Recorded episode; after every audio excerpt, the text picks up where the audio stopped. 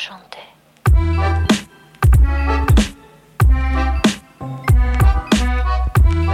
Varmt välkomna ska ni vara till Toto 5. Nu duggar avsnitten tätt. Så står som spön i backen. Eh, idag ska vi fokusera extra på Women's Super League som eh, drar igång i helgen. Och eh, det finns en anledning till det. Många svenskar går dit.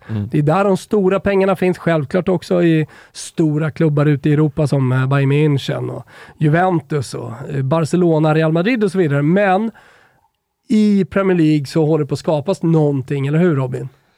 Ja men pratar vi ligor med, om vi säger den breda spetsen, så, så är det egentligen bara den engelska ligan nu. Det, vi pratar om eh, i stort sett ett och tvålagsrace i de andra europeiska ligorna och det är ju fortfarande som du säger, det är ju kvalitet som gör att när vi väl kommer i Champions League-sammanhang så är det ju lag som är minst lika bra och bevisligen till och med bättre än även topplagen i England. Men eh, den ligan dit man ska vända blickar ifall man vill följa ja, men eh, kontinuerliga, tuffa uh, matcher där man vill eh, eller kan och får uh, uppleva matcher varje helg som kommer betyda saker för både topp och botten och där det är poäng som uh, kan tappas även för de riktigt stora lagen så, så är det VSL och som så här, med, med svenska intresset som, som görs gällande i de absolut största lagen också där det direkt är faktiskt svenska spelare som på många sätt kommer vara utslagsgivande i de guldaspirerande lagen så, så är det ju klart att uh, har man eventuellt damallsvenskan som någon form av första liga så är det väl bara att uh, adoptera VSL som en andra liga direkt. Petronella, en av de vanligaste frågorna jag brukar få eh, från eh, lyssnare är vad tjänar en spelare i ja, men till exempel eh, Women's Super League? Och, eh, jag försökte fråga. göra liksom, någon slags, eh, något slags grävjobb på det här. Eh, men jag såg i alla fall BB BBC eh, och deras analytiker hade kommit fram till att eh, det, det, det, det, det finns en snittlön på ungefär 47 000 pund per år netto. Ja. Eh, så runt... ja, så här. tappar miljonen i årslön, ja, 800, ja, 800 000. Då pratar vi snittlön Ja, och vi pratar en, alltså, ja, ganska, eh, visserligen så här, ny artikel. Eh, men där finns ju ett spann upp till de som tjänar väldigt, väldigt mycket mer, eller hur?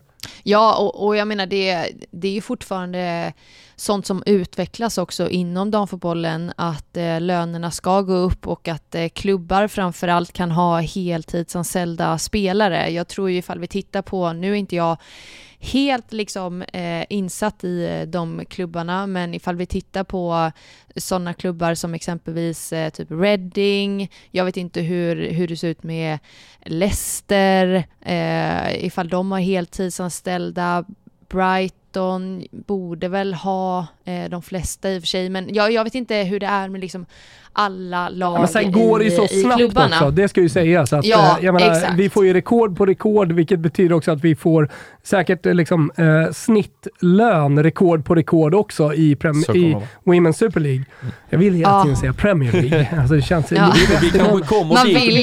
Bar, det ska ju sägas Barclays som har, har varit uh, starkt förknippade med här uh, fotbollen och Premier League under vad är det, ett 20-tal år i stort sett. De, de är ju på väg in, uh, eller är en del av uh, damsatsningen nu också, så det, jag, tror, jag tror inte vi är superlångt ifrån att uh, Premier Nej men, men jag, tänker, jag, jag tänker ett sånt, jag tänker ett sånt eh, lag som typ Liverpool, jag vet inte hur bra insatt du är i det Robin, men jag, men, jag kan ju tänka mig att de var ju inte helt anställda förra året eh, i ligan under, men nu när man även går upp i högsta ligan, hur, har du någon koll på hur det kanske ser ut där då? Tänker du spelare eller staben runt omkring? Nej men både och egentligen, jag- alltså där det- spelare Jo, men då- då- heltidsanställda? då- jo, jo, det har de absolut varit. De, de har ju kunnat leva på, äh, även om man verkligen kan argumentera för att äh, Liverpool äh, i det specifika fallet har varit en, en klubb som har eftersatt sin damverksamhet som man ändå kunnat använda med, med så extremt små medel så har man ju kunnat hålla den äh, damverksamheten alltså, flytande ekonomiskt i alla fall och äh, avlönad på, på skäliga grunder. Men äh, så satsningen har ju varit och pengarna har ju kommit dit men, äh, men det är väl hur mycket man har, det är snarare kanske tiden äh, kontra, kontra pengarna som har varit problemet i det, Ja. det fallet, hur mycket fokus man har lagt på de olika delarna. Så, Såg eh, för övrigt, eh, eftersom vi pratade om eh, löner och så vidare och folk är intresserade, eh, att eh, högsta lönerna från 2021 eh, skulle ha varit Sam Kerr på ungefär 450 eh, 000 pund Mm. eh, netto per år. Ja, fem miljoner om året. Så 5 miljoner om året netto. Ja. Och att eh, Ja. Carly Lloyd eh, låg eh, eh, över det.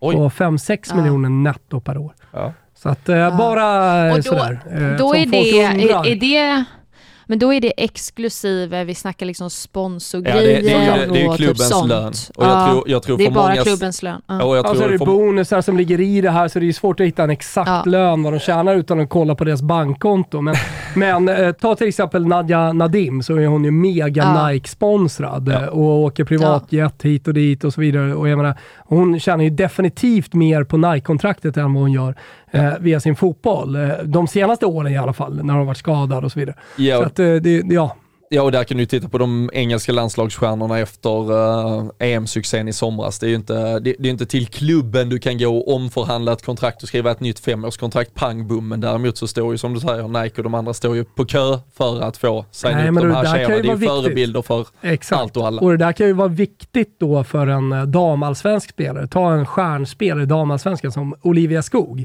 Mm. Att uh, säga att hon kan tjäna 50-60 tusen i månaden i Rosengård, ingen aning. Men, men äh, ingen Ja. Aning. Eh, aning har jag. Ja, ni har vi. Det ska, det ska gudarna veta. Men så har hon eh, 20-30 tusen från Adidas också, Ja. eh, som man tar på ja, då månadsbasis, men någon slags årskontrakt. Så blir ju ändå det eh, bra pengar, så att säga. För, för, eh, Ja, alltså man, det är klart så här, man lever ju gott, men det är ju ingenting som man kan leva på ifall vi jämför då eh, på här sidan att så här, jag, jag spelar fotboll på högsta nivån och sen är jag klar för resten av livet. Alltså på den nivån är det ju Väldigt fortfarande få inte. där och jag också som kan är- liksom vara, eh, som, som har den förmånen att kunna leva på det eh, efter karriären. Det ska ju sägas också. Mm.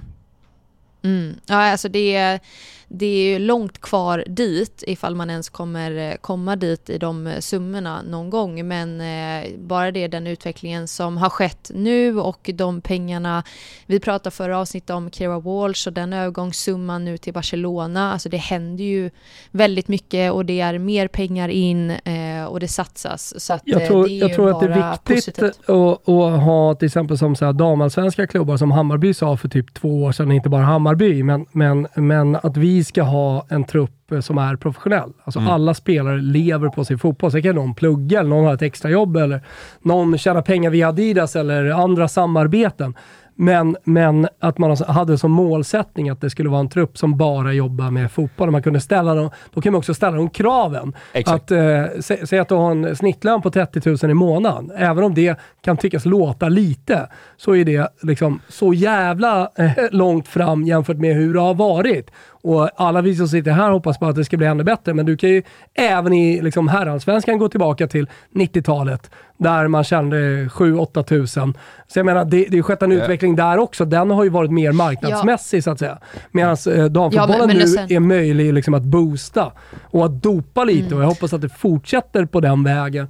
Eh, ja, men lite som Hammarby har gjort, liksom, att man kan dopa sin, eh, sin damverksamhet och där man inte går på liksom, ja, vad, vad omsätter vi här? Eh, och, och se till så att det liksom är rimligt. Man kan ta eh, pengar från andra delar av verksamheten. Ja, men, men jag tycker ju också bara ifall man jämför själv som, som spelare när man kom till, jag kommer ihåg när jag eh, kom till Juventus och helt plötsligt Vad var tjänar du i Juve- i miljö- Juventus? Det kan jag, jag kommer inte säga. Jo, det kan du göra. Jag Nej, tjänade jag inte 37 göra. 000 när jag jobbade på Bright och sålde liksom, kundundersökningar. Och då pratade vi brutto. Ja, men jag, ja däromkring. Tjänar du, vad sa du? Där, däromkring. Ja, men alltså brutto. Eh, alltså det, vänta nu måste jag tänka för att de pratar ju, de pratar ju årslöner och innan ska, nej, jag, jag vet inte, men däromkring blev det kan jag säga. Du, du har råd att vara i Miami nu i alla fall. Det är allt Ja, jag har råd. Jag har råd, råd. Nej men det jag, skulle, det, det, det jag skulle säga i alla fall, ja, jag kan ju säga att det är ingenting jag kommer leva på resten av livet, så, så bra har jag det inte. Eh, men det jag skulle säga var i alla fall att, att få komma till en miljö som är professionell, där det enda du behöver tänka på är att du ska gör, alltså förbereda dig så bra du kan eh, på fotbollsplan. Alltså du har alla resurser runt omkring, träningar, eh, du får behandlingar, det finns liksom coach för rehab, för styrka, för fys, det finns eh, individuell träning, det finns den här tekniska när du kollar på klipp. Alltså att man har alla de resurserna och inte behöver tänka på någonting annat än att bara vara så bra förberedd som möjligt. Alltså det är klart att det skapar förutsättningar för att du gör bättre prestationer på plan. Alltså herregud. Um, så och det är dit vi måste komma även i damallsvenskan. Exakt, det är dit så är det. Exakt. If, ifall, man då, ifall man då jämför med eh, lag man har spelat i, i Sverige då exempelvis, där där många kommer, du vet, du tränar på eftermiddagen, folk kommer inspringandes en kvart innan träningen börjar, direkt från jobb. Ja, men precis. Men så här, med andan i halsen, du ska ut och prestera på planen och du ska hålla en hög nivå, ha jobbat hela dagen och sen ska du också hinna med mat och du ska, alltså du vet, det är ju, det är klart som fan att det inte blir lika bra. Um, så, kan vi, så kan vi komma dit att ha de förutsättningarna till spelare så det, då kan det hända grejer tror jag. Ja, men det är viktigt. Och eh, en plats eh, på jorden dit vi har kommit till det helprofessionella, det är mm. ju sannoliken England. Och eh, det var det vi skulle fokusera på i det här avsnittet. Women's mm. Super League heter ligan. Och eh, jag undrar bara Robin, har vi samma maktförhållanden eh, som vi hade förra säsongen? Eller har någonting hänt?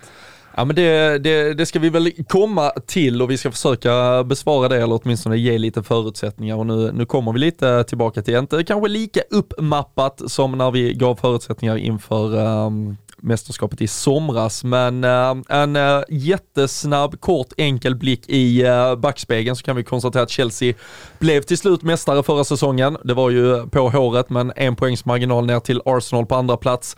Manchester City med sin otroliga vårsport som tog tredjeplatsen som betyder Champions League-kval som dock redan då är ett Champions League-kvalspelande som har fått ett abrupt slut med tanke på uttaget mot Real Madrid. Det var en Kira Walsh som vi var inne på förra veckan som nu har lämnat och det är däremot ett, eller därmed ett Manchester City som står inför en äh, ja, ganska oviss säsong som kommer. Därefter så var det ju United, Tottenham, West Ham äh, bakom, Brighton därefter, sen Reading, Aston Villa, Everton, Leicester och ett Birmingham till slut som åkte ur. Äh, vi hade Sam Kerr som överlägsen skytteligadrottning med sina 20 mål. Midema gjorde 14, hon tog den här lite mer tillbakadragna anfallsrollen när framförallt Stina Blackstenius kom in under vinterfönstret och sen även Bett Mead och Lauren Hemp på 11 respektive 10 målspelare som vi nog, om vi inte förälskade oss i tysken under mästerskapet så tror jag att många förälskades i eh, de här, framförallt Bett Mead hade ju ett helt otroligt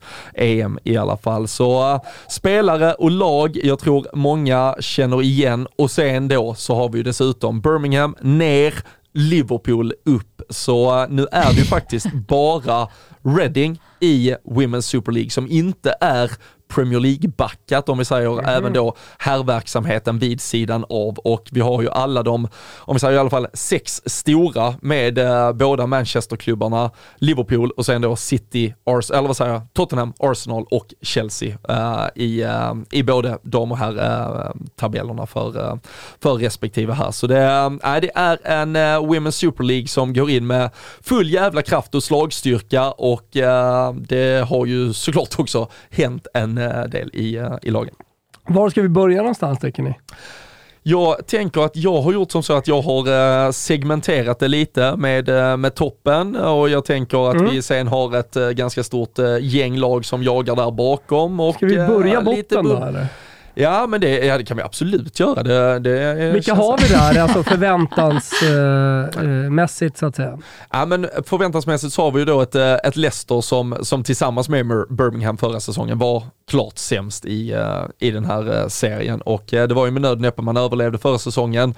Och eh, nu ersätter då Liverpool Birmingham och tittar vi, vi kommer till Liverpool, men tittar man på vad de har gjort på, för förstärkningar. De är inte i botten alltså. de, ja men det är i alla fall, om vi jämför vad Birmingham hade för ingångsvärde förra säsongen, som ja. då var det laget Leicester eh, konkurrerade med, så är ju Liverpool ett tuffare lag, okay. absolut. Och det är inte på något sätt ett lag man ska se sig som bättre än, bara för Nej. att man kommer med förutsättning att man var Har högre spelat. upp förra ja, säsongen. Ja.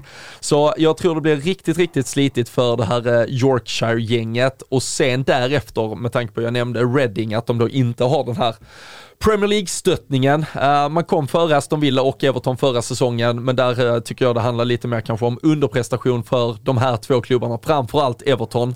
Och uh, på pappret så har man nog en trupp som, som är sämre än mm. alla de andra lagen. Så, så i min värld i alla fall så är det Reading och Leicester den här säsongen som för, gör. Har de gjort någonting för att liksom förändra den maktbalansen eller ser det ungefär likadant ut? Det ser ungefär likadant ah, okay. ut. Nu, eh, vi, vi, ska, vi ska pensla detta med ganska breda penseldrag ja, och vi ska, vi ska inte gå in på detaljstyrning, men, men det är ju inga namn som har eh, gått varken in eller ut ur de här lagen som får en att uh, tappa varken anda eller uh, stanna upp fullständigt. Om vi tar oss vidare från botten då, vad har vi där? I, I min värld så, så är det i så fall ett, ett knippegäng med, med Brighton, Everton, Liverpool, Aston Villa och West Ham som eh, är ett eh, någon Finns det något lag där som du känner kanske blandar sig i botten och något lag som kan ha, liksom, så här, de har något no, no extra för att ändå vara med i liksom, to, det andra segmentet, toppskiktet? Uh, vi, vi, vi släpper in uh, Petronellas expertis som är lite så, men jag, jag, känner i alla fall att Brighton har stått jävligt mycket still ganska länge. Jag tycker de gjorde väldigt mycket rätt Lever farligt. Ja, och de har egentligen inte plockat in någonting, återigen där, som, som får en att uh, darra på något sätt. De har ju tappat finska Emma Koivisto till Liverpool, uh, unga Maja Letizier sydkustlag, Southampton, pappa Letitia, eller pappa Letitia. Det är ju inte det, Matt Letitia. Många tror att uh, Matt Letitia, nej det är inte det, men alltså från ett sydkustlag heter Letitia, man känner ju fan det måste ju vara pappas gener, men uh, det är det inte. Men hon har ju gått till Manchester United och uh, man tappar också uh, Ellie Brasil, en anfallare till Spurs. Så, så Brighton har gjort kanske lite Eh, ja, det har varit lite för mycket spelare out där för att de ska... Håll, eh, av det här eh, inledande snacket eh, Petronella, är det någonting som du känner du vill tillägga kring Brighton och Leicester och så vidare? Nej, jag, jag håller faktiskt med Robin att det har inte hänt så jättemycket just i de lagen och det, det laget i så fall, så här, Everton är ju ett lag man hoppas på såklart, gjorde ju en jättestor satsning förra säsongen, har inte hänt jättemycket inför den här säsongen. Ja, eh, men annars är det, det är inte heller så att man ramlar av stolen att säga oj, herregud, eh, vilka värvningar. Eh, Anna Anvegård har ju flyttat hem till Sverige exempelvis, det var ändå en spelare man trodde väldigt mycket mycket på. Nu hade hon otur med hjärnskakningar och så, men eh, det är ju ett lag man såklart hoppas mycket på. Jag tror också West Ham, även ifall man har förlorat lite spelare till bättre lag, eh, så tror jag ändå att eh, West Ham kan också vara där uppe i, eh, i toppen och härja. Nej men som du är inne på med, med Everton så har vi ju, nu blev det ju klart alldeles nyligen egentligen med med Stenevik från Eskilstuna som eventuellt kanske räddar den, den svenska elitlicensen för uh, Eskilstunas del, det får vi väl säga. Och sen Katrine Veje från uh, Rosengård har också kommit uh, till Everton, men där var det ju snarare en, en trupp som redan förra säsongen hade så mycket mer än den här bottenplaceringen som det blev. Så det är ju ett, där, där handlar det ju snarare om att uh, den här danske Brian Sörensen ska få, få ihop laget och få, mm. få det att funka, så, så är de ett lag för uh, ett par placeringar högre upp. Så, så jag, tror, jag, jag tror i alla fall att uh, Leicester Reading är lagen som gör upp om det, Reading är där bakom och sen så, så kommer Everton tillsammans med de här Aston Villa och West Ham um, och, och Liverpool vara lag som där det egentligen, du kan nog uh, slänga ner alla i en tombola och så ser vi vem som kommer ut med, mm. med bäst form och, uh, och därmed bäst prestation. För uh, West Ham som du är inne på också Petronella, de har ju framförallt uh, tränarbänken Paul Mm. Gamla, gamla legend vänsterbacken som kanske spelade, den eh, gjorde mitt eh, Liverpool-liv till det tyngsta någonsin under Roy Hodgson när han spelade vänsterback och var otroligt eh, usel. Men eh, han verkar ju faktiskt vara var en av de här eh, forna herrspelarna som är beredd på att ta ett ganska seriöst omtag om sin eh, tränarkarriär på damsidan, vilket är, vilket är jävligt skoj. Och eh, sen har de ju också plockat in eh, Vivienne Asayi från eh, Bayern München eh, till West Ham och det ryktas väl också om eh, Hayashi faktiskt, as we speak, när vi spelar in detta. Vi får se om något hinner hända, men eh, från AIK eh, till West Ham. Mm. Så då, de försöker ju ändå göra en del, Petro, här i, i West Ham också. Du var inne på att de... Ja, men, men för de har ju tappat, vi tittar bara så här, Adriana Leon har man ju tappat till Manchester United, en väldigt bra spelare, offensiv, som vi har sett i i Kanada eh, tidigare, gjorde ju faktiskt två mål nu mot eh, Australien också när de vann med 2-1 Kanada. Men så man har ju tappat och sen även Gilly Fla Flaherty. Det kommer vi till när vi pratar Liverpool. ja, jo men bara att de har tappat ändå eh, några så viktiga spelare i West Ham. Eh, sen som sagt, som du säger, de har några på väg in, men de har även förlorat eh, några ändå skulle jag säga viktiga pelare i deras lag som har varit viktiga under förra säsongen. Men jag tror ändå att West Ham, det, det är liksom ett starkt lag. De ligger lite där i, i mitten och härjar, men eh, var ju inte helt, eh, tror jag, långt ifrån ändå Tottenham förra säsongen väl?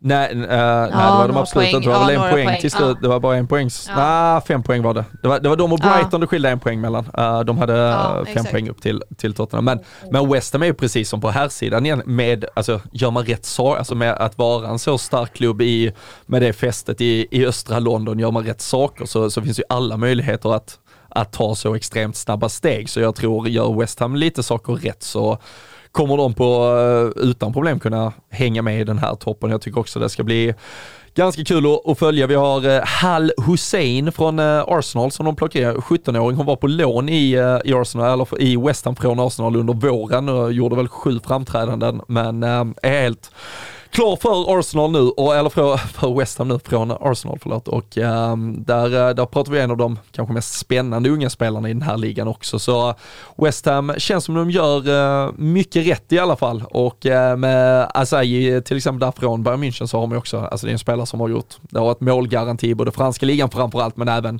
uh, gedigen målskytt för, för Bayern München senaste tiden också. Ja, grym. Så, ja, grym det, det, det är en jättevärvning för West Ham.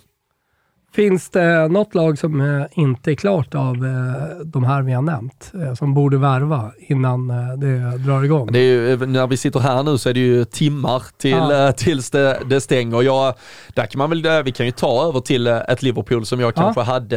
Var har du dem? Ja, men jag, jag har dem någonstans, alltså får de träff så, så är de eh, uppe på, på övre halvan. Varför är de liksom där från att ha ja, det, varit det, det, nykomlingar? ja, men jag tycker att försäsongen visar lite, man har slagit både West Ham och Aston Villa som är lag som, mm. som man antagligen på förhand tänker att det är de man ska mm. tampas med om platserna 6, 7, 8 mm. ungefär. Man, man kryssar faktiskt även mot Manchester City här, här för någon vecka sedan och äh, där, där, finns ju en äh, otroligt fin stumme i laget med, nu skrev man nytt kontrakt med Missy Bo Cairns, har i alla fall det roligaste och trevligaste namnet i den här ligan känner jag.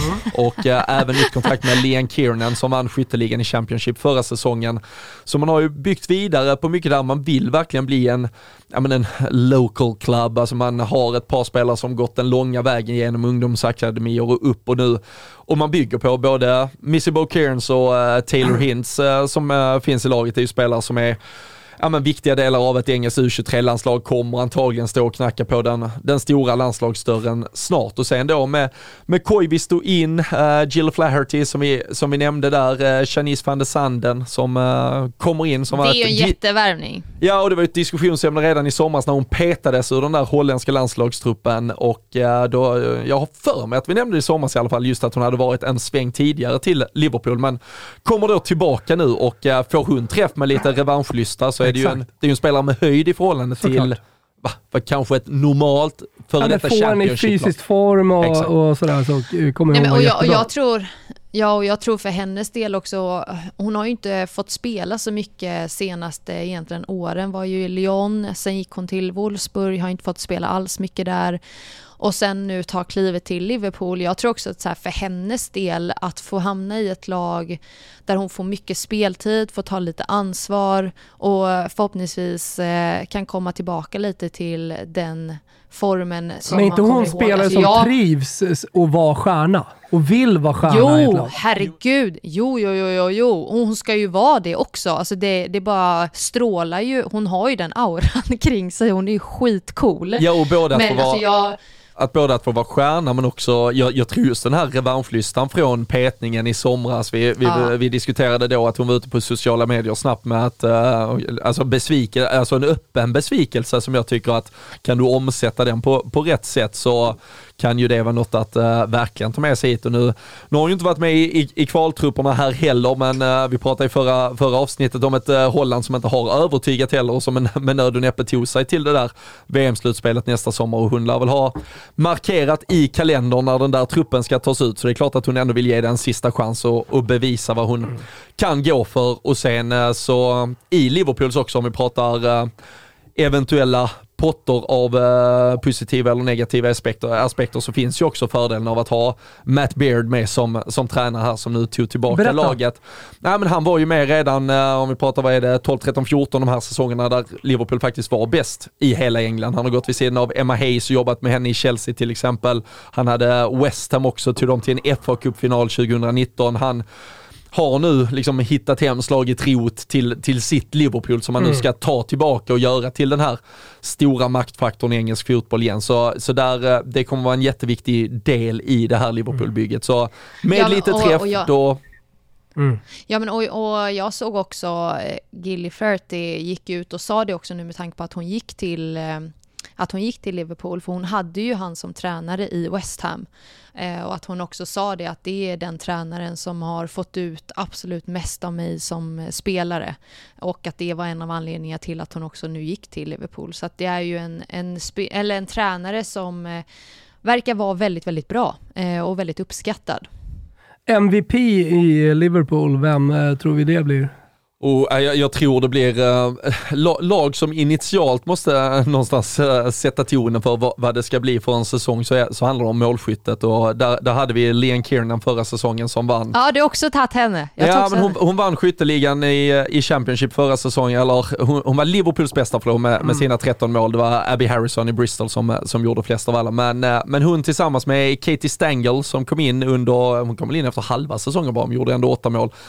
Det, det är ett anfallspar som Liverpool behöver liksom up and running och, och bara flygande direkt. Och sen uh, handlar mycket om uh, Missy Bo Kearns och hennes eh, känsliga fot där bakom för att eh, hitta både bollar i djupled och eh, från eh, fasta situationer. Så det, men uh, Leon Kiernan, att hon flyger direkt. Ja, och vi ska ju säga det också, det är ju 13 mål på 8 matcher. Alltså hon var ju skadad eh, väldigt eh, stor del av säsongen också fram och tillbaka.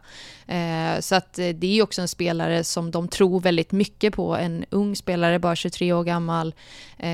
Så att, att kan hon få vara skadefri och få en hel försäsong nu så tror jag verkligen det kan bli ett utropstecken också för Liverpool.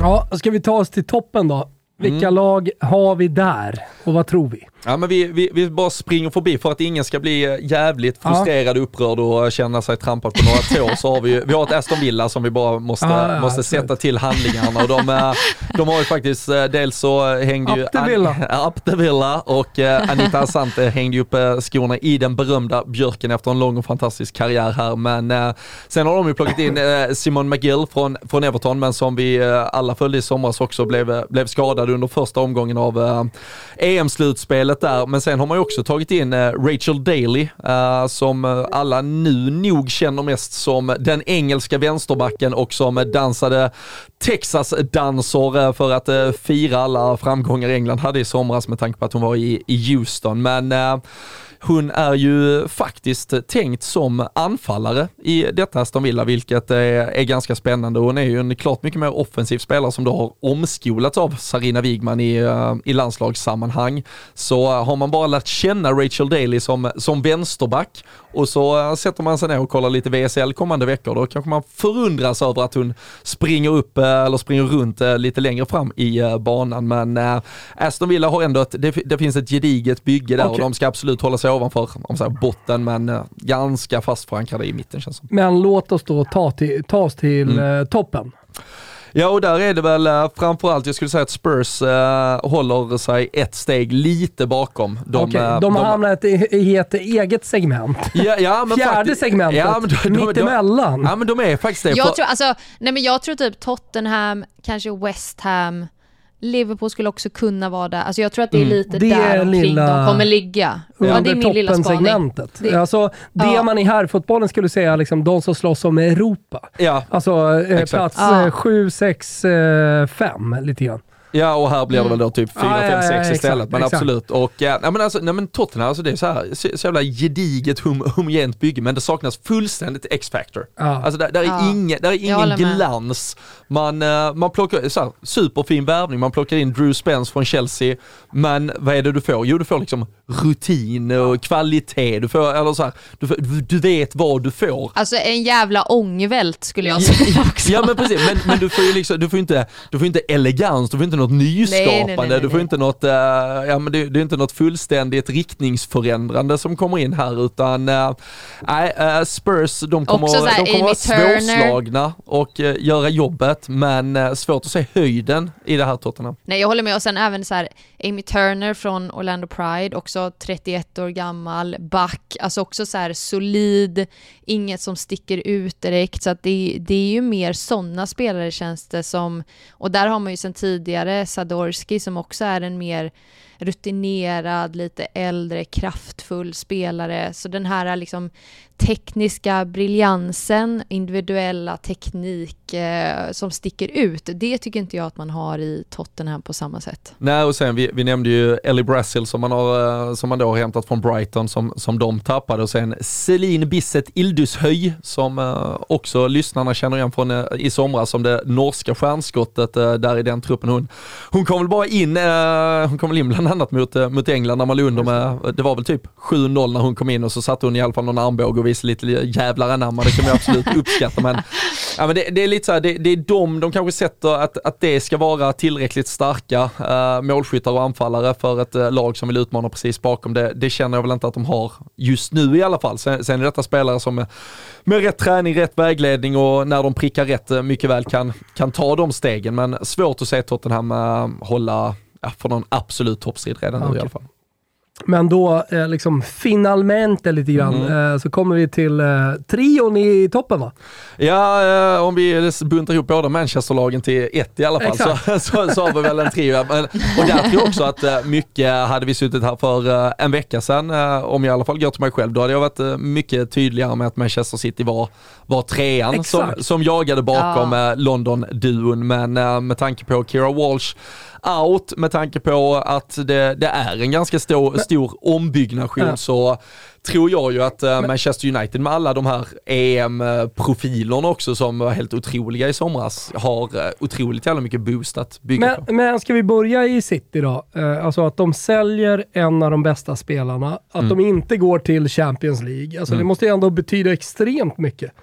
Ja, och där kan jag ju, eh, utan att dra jämförelser helt i övrigt, så om man tittar på hur, hur Liverpool hanterade sin damverksamhet för, för dryga tio år sedan, så, så kan jag tänka mig om du är en inbiten supporter som enbart egentligen följer damsektionen i i uh, den ljusblå delen av Manchester. Finns de? Ja, det, det, den finns ju knappt på här sidan så det är lite ett bekymmer generellt där borta. Men, uh, men då, då kan jag ju tänka att eh, man sitter och svär lite över att okej, okay, vi, vi var verkligen ja, det kändes som att man var ett steg ifrån att på allvar utmana de här två giganterna i, i toppen.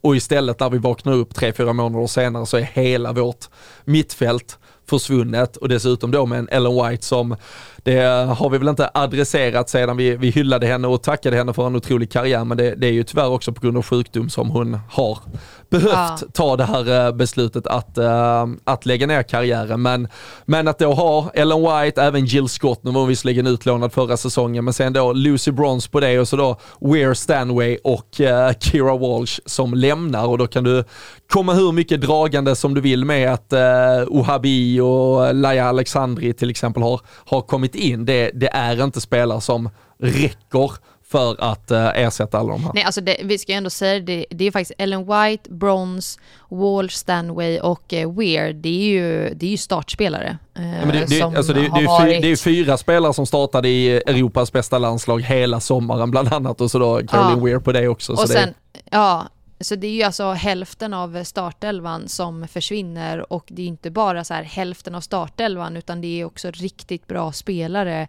som försvinner från det här laget. Och jag vet att i, efter förra säsongen och sen nu innan allt det här brakade loss och spelare försvann men då gick ju också Gareth Taylor ut och sa det att eh, vi, vi ska vinna, vi måste vinna ligan nästa säsong. Eh, och sen åker man ut nu mot Real Madrid i Champions League. Eh, absolut så här City är ett väldigt spännande lag, men att förlora de här spelarna, jag tror att det, det kommer ha en stor påverkan, även ifall man har då värvat spanska ytterbackar, Nej men eh, värvat eh, spanska ytterbackar, du sa det Robin, Alexandri, Wabi, Wabi från Barca, Alexandri från Atletico Madrid, men spelare som, som spelar mestadels i det spanska landslaget. Eh, sen har man även en Diana Castellanos eh, från Venezuela, men Atletico Madrid nu senast. Men unga, alltså mycket unga spelare. Även Mary Fowler, australiensisk eh, spelare, 19 år gammal bara, från Montpellier. Men som sägs är liksom en av de största talangerna just nu. Eh, väldigt mogen för sin Vad hette hon sa du? Sjukt. Mary Fowler. Mary Fowler eh, från USA? Eh, ja, men Montpellier nu eh, senast. Men det är en spelare som, ifall det är någon man ska hålla koll på så tror jag att det är ett namn som man verkligen ska hålla koll på. Eh, sjukt, sjukt spännande ung men Men det är ingen Cooney eh, Cross? Alltså... nej, det är det ju inte. nej, nej, nej men det, vänta, det, är det jag menar. Alltså... Sa jag rätt nu? Jag blandar ihop... Nej, nej, nej, du är rätt på. Ja, ja, ja, nej men det stämmer, det stämmer. Eh, men alltså ifall vi kollar liksom de spelarna som har försvunnit, absolut Stanway, eh, Weir kanske lite yngre, Walsh också, men de har värvat in mer, ja men kring liksom 21, 22, 19 år gamla eh, unga talanger skulle jag säga. Eh, så att ett litet ombygge, spännande spelare, men eh, kommer de klara av det? Det, det är frågan. Alltså. Ja, men det, och det känns framförallt som ett så märkligt läge att göra ombygge, för det känns det ja. verkligen som att man är, på, man är på rätt håll, man närmar sig och man är kanske bara snarare en, två spelare in ifrån att på allvar utmana i den där absoluta toppen och istället så väljer man då den, den det här känns mer som vägen du går när du känner att okej okay, alla andra springer ifrån oss för mycket, ja. vi måste göra något helt nytt, vi måste uppfinna hjulet. Det hade inte ett Manchester City behövt sen. Med det sagt ja, men... så är det ju en Ellie Rubrock, det är en uh, Alex Greenwood, offensivt så lär vi få se Hemp, Kadja Shaw och, mm. och Chloe Cat. Alltså det är, det är jättemycket ja, fantastiska spelare, det är ett bra lag. Men, men, du tänkte från det laget så skulle man värva, värva etablerat stort liksom? Behållt den, alltså den stora kärna som man men, istället... Men hur kommer det sig att de kan möta eh, liksom ett så pass bra lag och bli utslagna i ett kval? Alltså borde inte de vara... Ja, men, eh, Nej, men, det är svagt. Själv, själv, ja, men är det svagt av Uefa liksom, att ha hamnat där?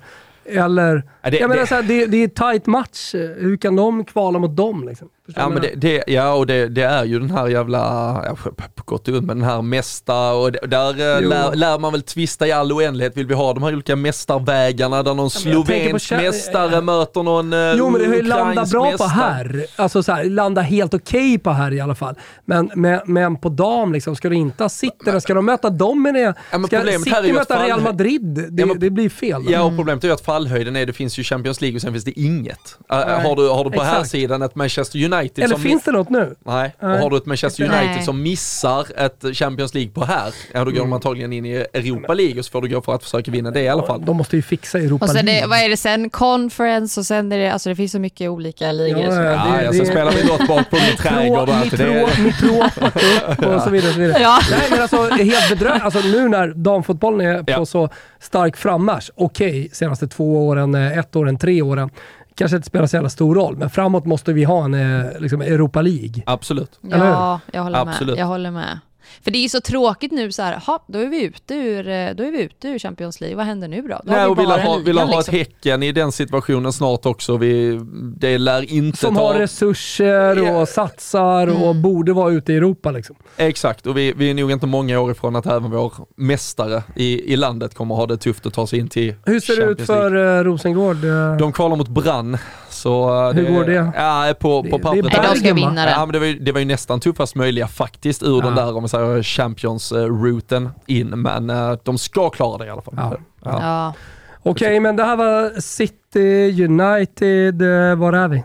Ja men United eh, får vi väl ta också som jag tror Mm. kan, bli, eh, kan bli då faktiskt en, en ganska rejäl utmanare till City eh, Mm. precis bakom Arsenal och eh, Chelsea. Eh, De har ju eh, plockat in bland annat eh, Nikita Paris från, eh, från Arsenal. Uh, var ju med i både EM-truppen för England senast, gjorde mål för England nu under kvalspelet här i veckan som var. Vi var inne på den här Maya Letizier som har kommit in från. Brighton och sen så har man ju där också om vi pratar spelare från det här engelska mästarlaget i somras, så uh, Mary Earps i, i målet och sen både då Mm. Ella Thun och Alessia Russo uh, som uh, sänkte framförallt in den där klacken mellan benen på stackars uh, Hedvig Lindahl. Svinsnyggt.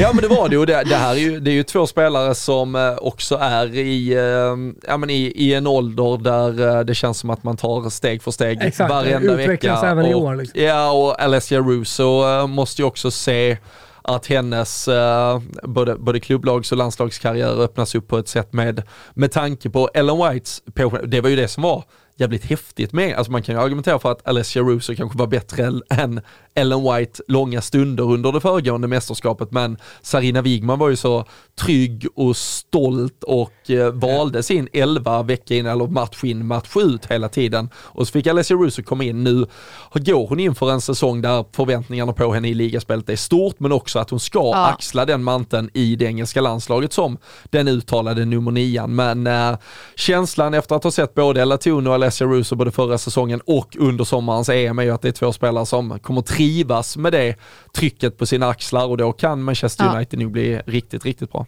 Men sen eh, så tycker jag vi ska lägga till ändå Lucia Garcia från eh, Athletic Bilbao, en eh, spansk typ ytterforward som är, det blev ju ändå ett väldigt så här utropstecken när United eh, värvade henne.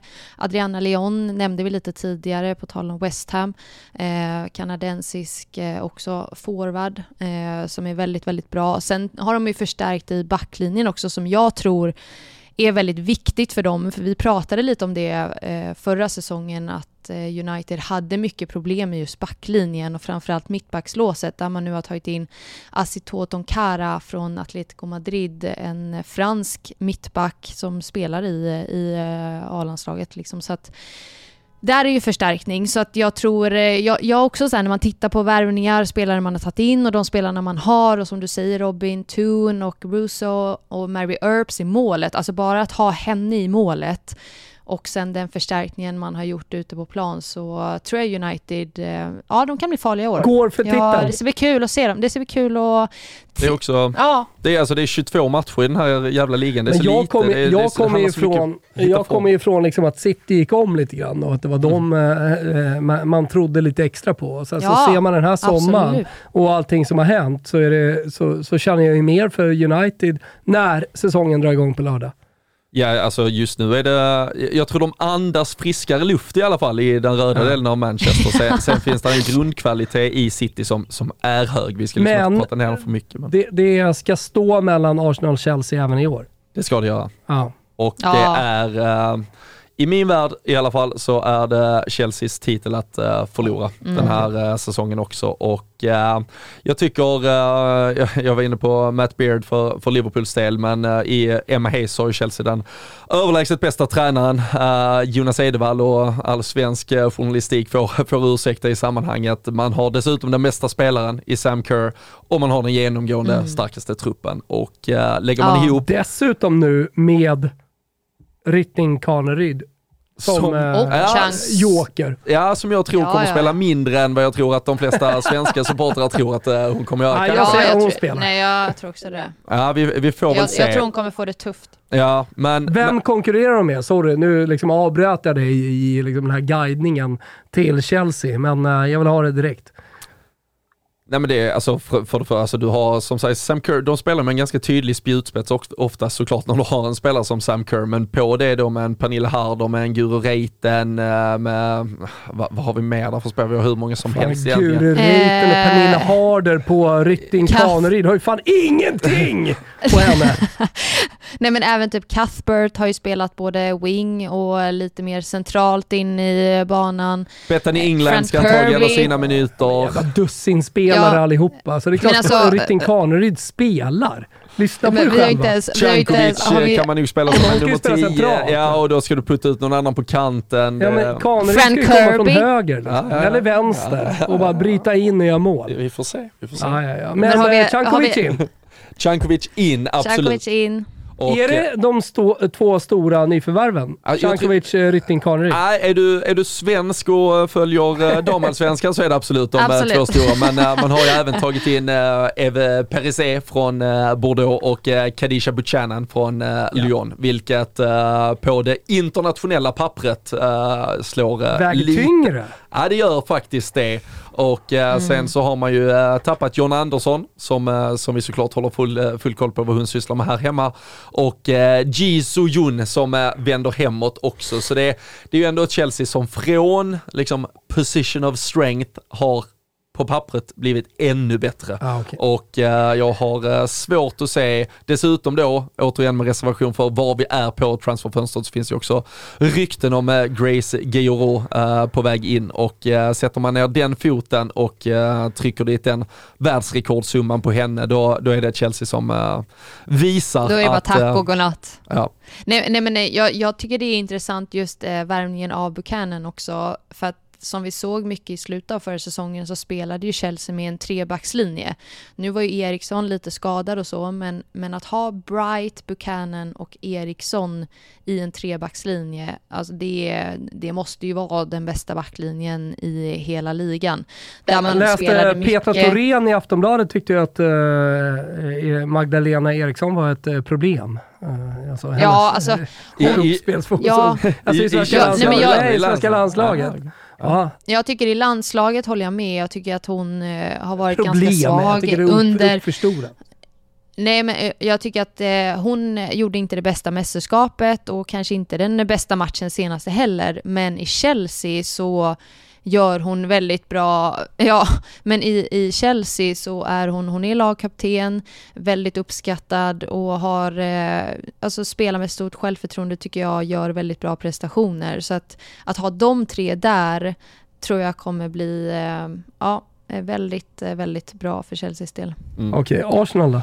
Nej, och där eh, så har vi ju en eh, Jonas Edevall som eh, gjorde kanske sin, sin stora värvning egentligen först när han plockade Stina Blackstenius där under, under vintern och fick in henne, vilket först kanske störde lite ordningen och det var plötsligt man var tvungen att ja, men uppfinna, man skulle trodde ju att hitta... Miedema skulle gå till Barcelona. det Ja, massa och det, och, och det var ju absolut det, det kanske mest rimliga när man bara satt och la ett anfallspussel på den europeiska kartan. Men när hon nu också så tydligt har varit väldigt accepterande inför och kanske till och med drivande i att få spela i den här rollen som är en nummer 10-spelare och eh, man då eh, nu dessutom har plock, plockat in Lina Hurtig i vad som ser ut att bli en 4-2-3-1 med Midema bakom Blackstenius och Bet Mid till höger och Lina Hurtig till vänster så är det Det ju är ett dumt va?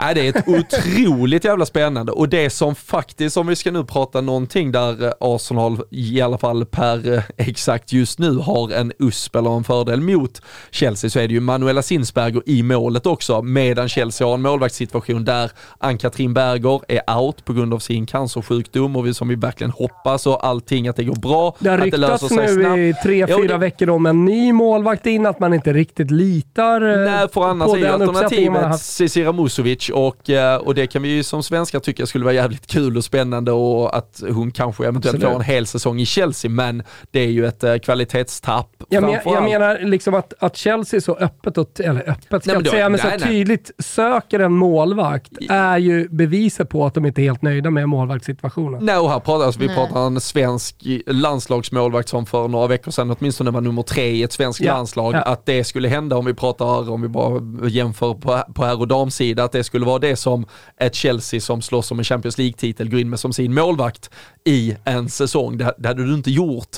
Så, så jag förstår ju att de är lite desperata och jagar. Och sen har vi ju inga detaljer på Ann-Katrin Berger och hur länge hon är out och när hon potentiellt kan vara tillbaka och best och worst case och allt som kan hända. Men det, det kan vara en skillnad, eller framförallt en stor ja. fördel för Arsenal att de har den tryggheten i Manuela Sinsberger och också att man har Lea Williamson fit for fight, kommer från den här Verkligen. otroliga sommaren. Vi såg förra hösten när hon var in och out lite att man hade inte den där tryggheten, man hade inte det grundspelet utan henne. Så nej, Arsenal, eh, deras, deras chans tror jag ligger mycket i att de sätter sitt spel nu direkt här. Där kanske Chelsea går lite och letar efter saker och ting som ska funka. Ska ju sägas också, Manuela Zinsberger var ju fin i somras. Hon var alltså, otrolig. Jävlar vilken pondus. Kanske hela EMs bästa.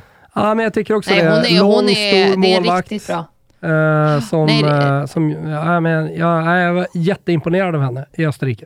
Ja, och eh, det enda som jag kan tycka med Arsenal, ifall vi pratar de andra lagen och alla värvningar man har gjort och spelar in och ut och så vidare, så är ju Arsenal ett av de lagen som har gjort absolut minst värvningar under det här sommarfönstret. Det är egentligen bara Hurtig, sen har man förstärkt med en målvakt. Eh, så det är ju inte så mycket mer utan det känns som man mer har valt att bygga vidare på den grunden man har och den stommen man har. Man har inte heller, alltså jag har försökt att kika lite så här, jag, jag har inte heller sett att de har spelat så mycket matcher. De spelade en match mot Brighton, vann med 2-1 och sen typ någon intern match bara. Så inte heller så mycket matcher. Eh, ifall det nu är positivt eller negativt, det, det får vi ju se, tiden får utvisa. Men jag tycker att Arsenal hade ganska mycket problem ändå förra året, även om man kommer, det låter så sjukt, man kommer en poäng bakom Chelsea och är nära att ta ligatiteln, men sett till hur spelet såg ut stundtals så tycker jag att man hade en del problem. Eh, kanske att man nu har kunnat jobba vidare på det också med de spelarna man har. Nu också Jordan Nobbs var ju lite in och ut förra säsongen med skadebekymmer, är ju tillbaka nu också. Kim Little som var iväg, spelade i USA under tog lilla Raidan till USA under sommaren här, är också tillbaka nu. Eh, så hon har ju verkligen hållit igång. Men annars så tycker jag det är lite så här inne mitt fältet också om man har problem med och även har vi pratat om backlinjen. Eh, men eh, förhoppningsvis så kan ju den här sommaren för speciellt en sån som Beth Mead den säsongen hon gjorde förra säsongen och eh, även mästerskapet så har ju det också lyft många spelare tror jag så det ska bli spännande att se hur Arsenal kommer ut den här säsongen. Bra där, så vi mm. har, eh, om jag har förstått er rätt, läser lite mellan raderna, så, så är det Chelsea uh, som är favoriter. Chelsea-favoriter, Arsenal, Arsenal för Arsenal-träff så är man ja. precis där bakom. Uh, United, City... Uh, United framförallt tycker jag känns lite spännande efter verkligen. det uh, liksom, du sa ja, och, och, och, sådär Robin. Ja, men och sen tycker jag så här, de var ju intressanta även förra säsongen. Sen hade de jättemycket skadebekymmer. Det hade ju även City i början på säsongen. Så förhoppningsvis nu kan man ha, bara det att få ha alla spelare redo och verkligen få ställa upp med den startelva man vill det är ju det som ska bli spännande att se, hur man då står sig mot de här större lagen. Men det roliga att se, det är att uh, i helgen, uh, men då är det full jävla patte vad det gäller, uh, vad det gäller uh, damfotbollen. Då spelar alla stora europeiska ligor. Damallsvenskan gör en liten ny comeback efter landslagsuppehållet och som jag sa, vi har även eh, stormatcher eh, med eh, Hammarby Rosengård, vi har AIK och Kristianstad som är spännande. Och eh, vad ser vi fram emot i Europa, Robin?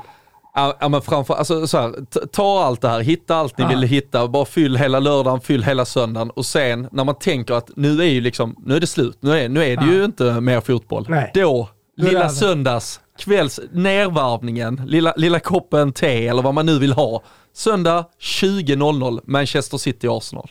Alltså, Alltså, Kan det bli bättre? Kan det gåshud! bli Ser vi på, ser vi på Ser vi Viaplay på? Viaplay? Ja, det, det hoppas jag verkligen gör. Eh, Ja, det det, hoppas det är din kanal. Eh, Ja, men det hoppas jag. kanske, kanske, kanske att du borde vara expertkommentator där Petro. Ja, jag kör här från eh, Miami direkt bara. Ja. Sitta och kolla på någon skärm.